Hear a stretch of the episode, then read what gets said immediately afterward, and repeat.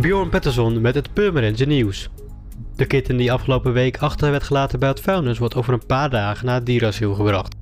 Het 9 weken oude diertje werd door een voorbijganger gevonden in de Goudzeestraat. De kitten is nu nog bij de dierenambulance in quarantaine. Kunstgenoten in Beweging zal donderdag 2 mei bij Cultuurhuis Wereland een levensgroot schilderij schilderen. De nachtwacht wordt als inspiratie gebruikt. Wilma Karius van het Rijksmuseum begeleidt iedereen om het schilderij binnen 2 uur te schilderen. De cursus duurt van 10 tot 12 uur en meer informatie is te vinden op onze website. Gemeente Purmerend gaan het verschillende toeristeninformatieborden kijken. De meeste borden staan er sinds 2010. Veel informatieborden zijn intussen tijds kapot gegaan, vervuild of zelfs verdwenen. Omdat het toeristenseizoen weer begint, wil de gemeente dat de borden vervangen worden. Voor meer nieuws, kijk of luister je natuurlijk naar RTV Purmerend, volg onze socials of ga naar rtvpurmerend.nl.